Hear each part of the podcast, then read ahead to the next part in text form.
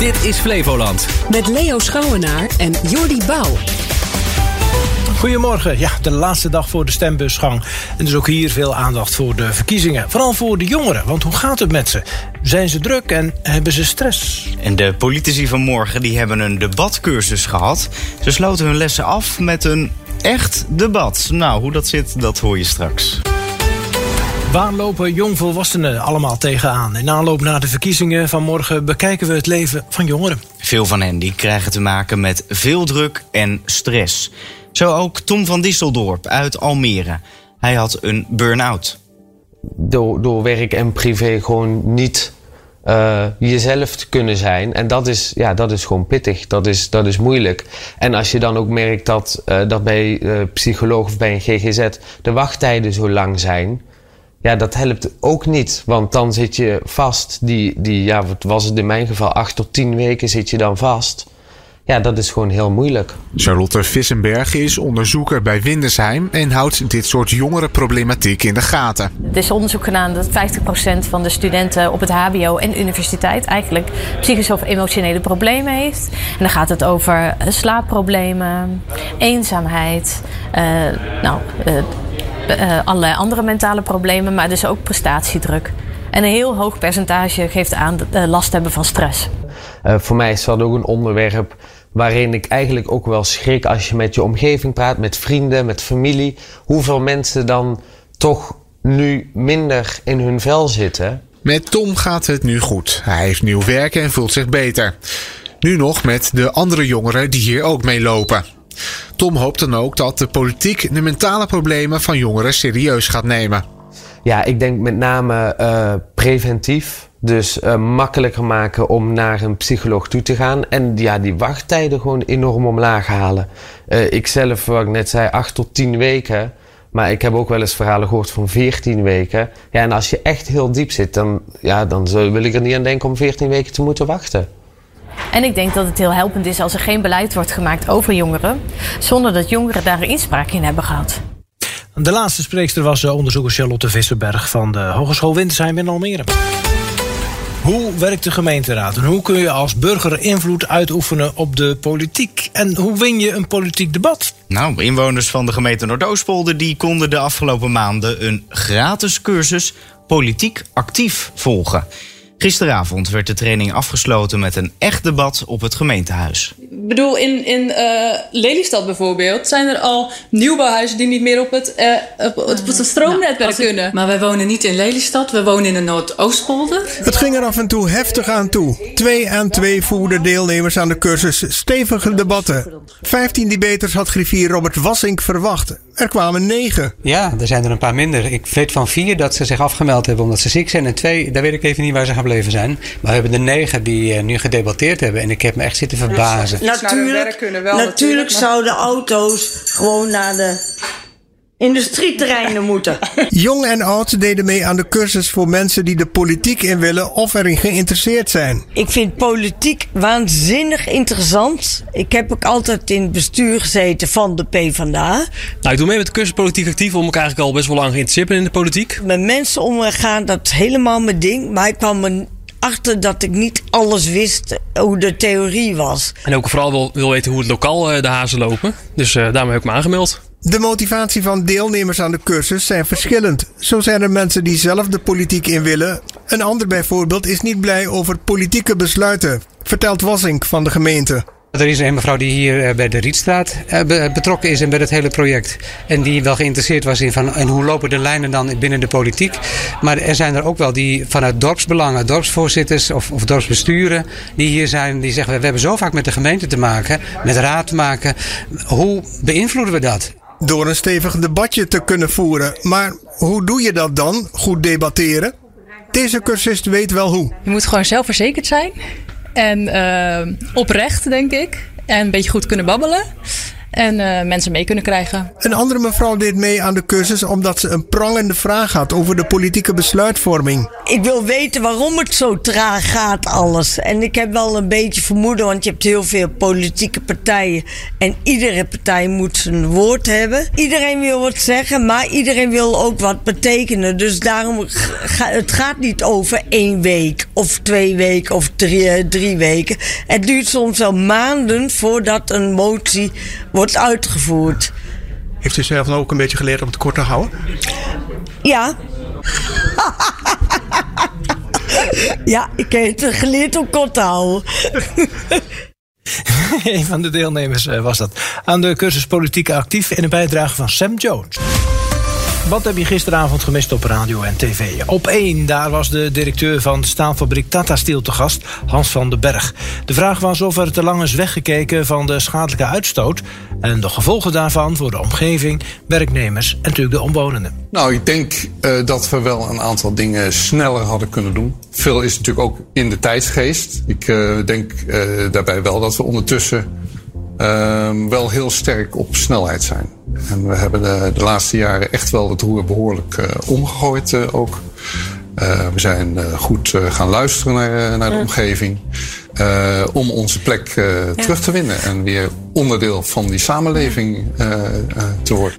Serge Perquin werkte al 28 jaar bij Tata Steel. Hij zat in de zaal en vertelde dat hij zich niet gehoord voelde. Ik wil graag dat gehoord wordt dat wij, uh, mijn collega's hier ook, denken, wij zijn geen slechte mensen. Hè. De industrie is een, het is een anoniem iets. Hè, maar de industrie, dat is Bilal, dat is, dat is Sinta hier. En wij willen echt vooruit.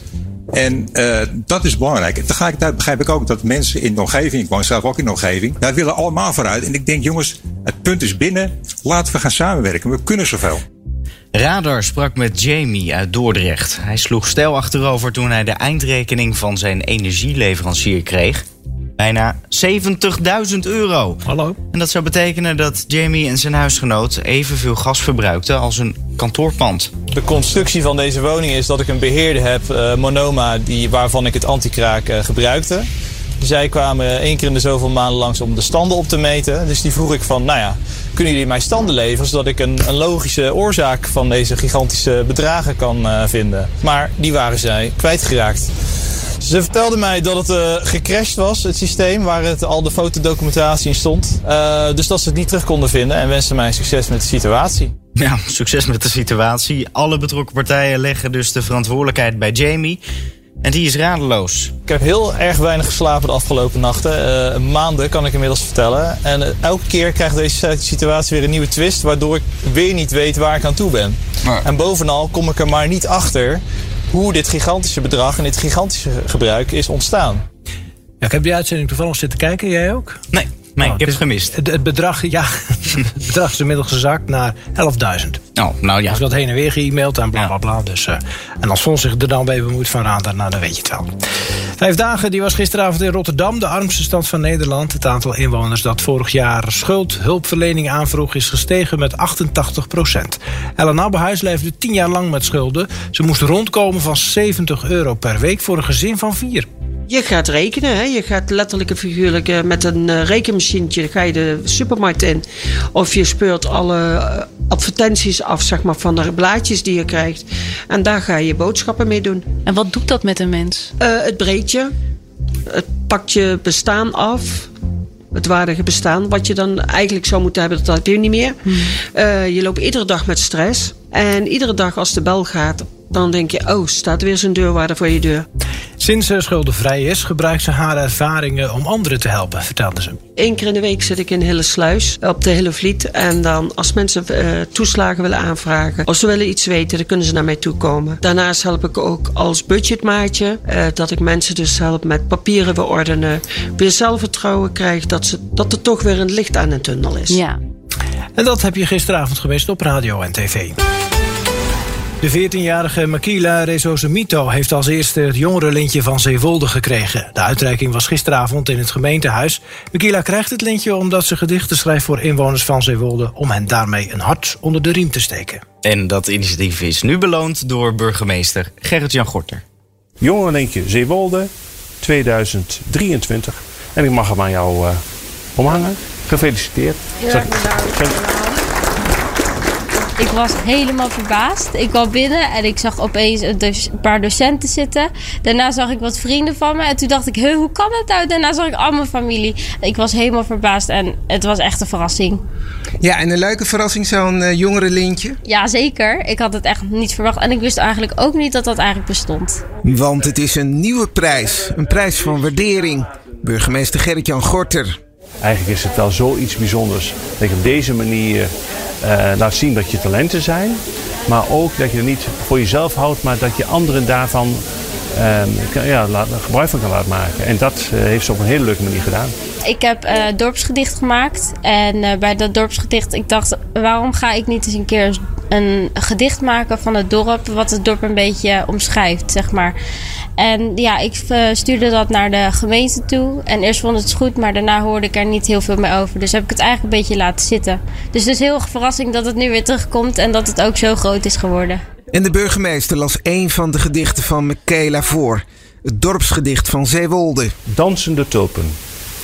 Wiegend in de Zeewolderwind. Zeewolde is de plek waar iedereen elkaar vindt.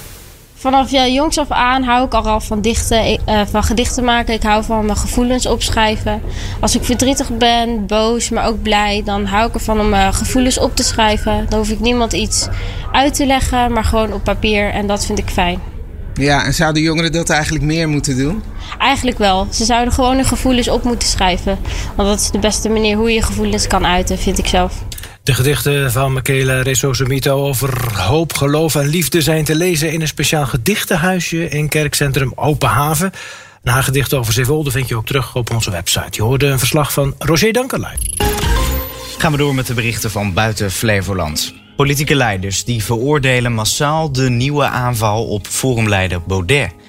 Hij werd gisteren in een café in Groningen op zijn hoofd geslagen met een bierfles. Ik kreeg er echt kippenvel van. Het is ook een, vind ik, een aanslag op de democratie. Hè? Het is een parlementariër, dus een aanslag op hem is een aanslag op ons alle 150, op ons allemaal. Ik vind het verschrikkelijk, verschrikkelijk. Hoe kunnen wij nog politiek bedrijven in dit land als politici dit soort risico's lopen? Ik vind het echt gruwelijk dat het gebeurd is. En ik wens eh, Baudet heel veel sterkte. Baudet is in het ziekenhuis behandeld en een gepland campagne-evenement in Zwolle werd afgelast.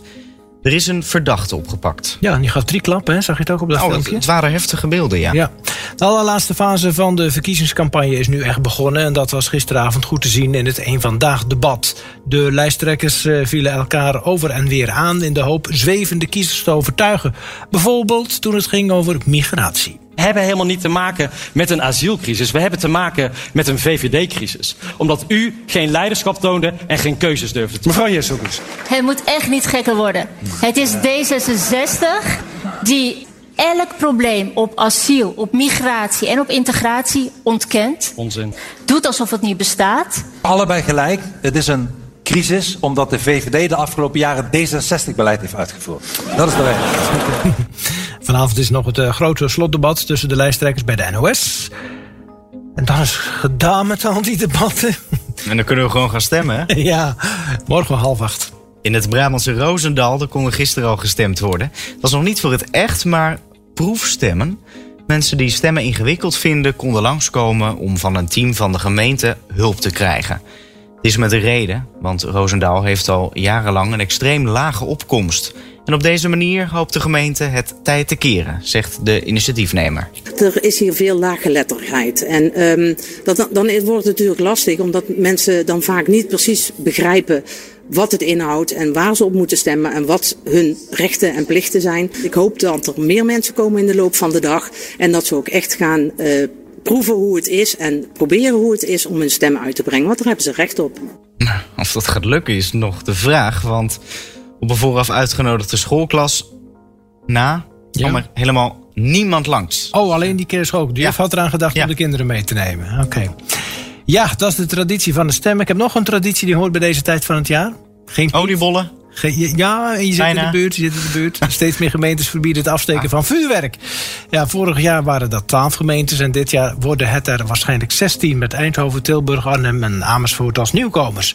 Volgend jaar volgen er waarschijnlijk meer. Zoals Zwolle, waar de gemeenteraad gisteravond besloten om volgend jaar een vuurwerkvrije gemeente te worden. We hebben te maken met gewonden, we hebben te maken met natuur, we hebben te maken met klimaat, mensen en dieren die er last van hebben. De lijst is oneindig. Wij willen een gemeente zijn die inclusief is voor iedereen, voor alle mensen en alle dieren. En twee derde van de Nederlanders is alle voorstander van dat lokale vuurwerkverbod. Dus iets unieks doen we eigenlijk niet. We zijn relatief nieuw, maar het is geen compleet ander geluid dan dat er al heerst. In Zwolle waren al vuurwerkvrije zones, maar volgend jaar mag er in de hele gemeente geen consumentenvuurwerk meer worden afgestoken. En als je deze zin heel letterlijk neemt, dan ja, volgend jaar is in januari 12 uur. Maar dat bedoelt natuurlijk de Oh, volgende ja. en nieuw. Ja. En laten we het niet te letterlijk lezen. En dat waren ze, de berichten van buiten Flevoland. Ons nieuws gemist of een mooi interview? Je kunt alles terugkijken. Je mist niets dankzij Gemist op omroepflevoland.nl. Via Gemist op onze app en al ons beeldmateriaal op YouTube.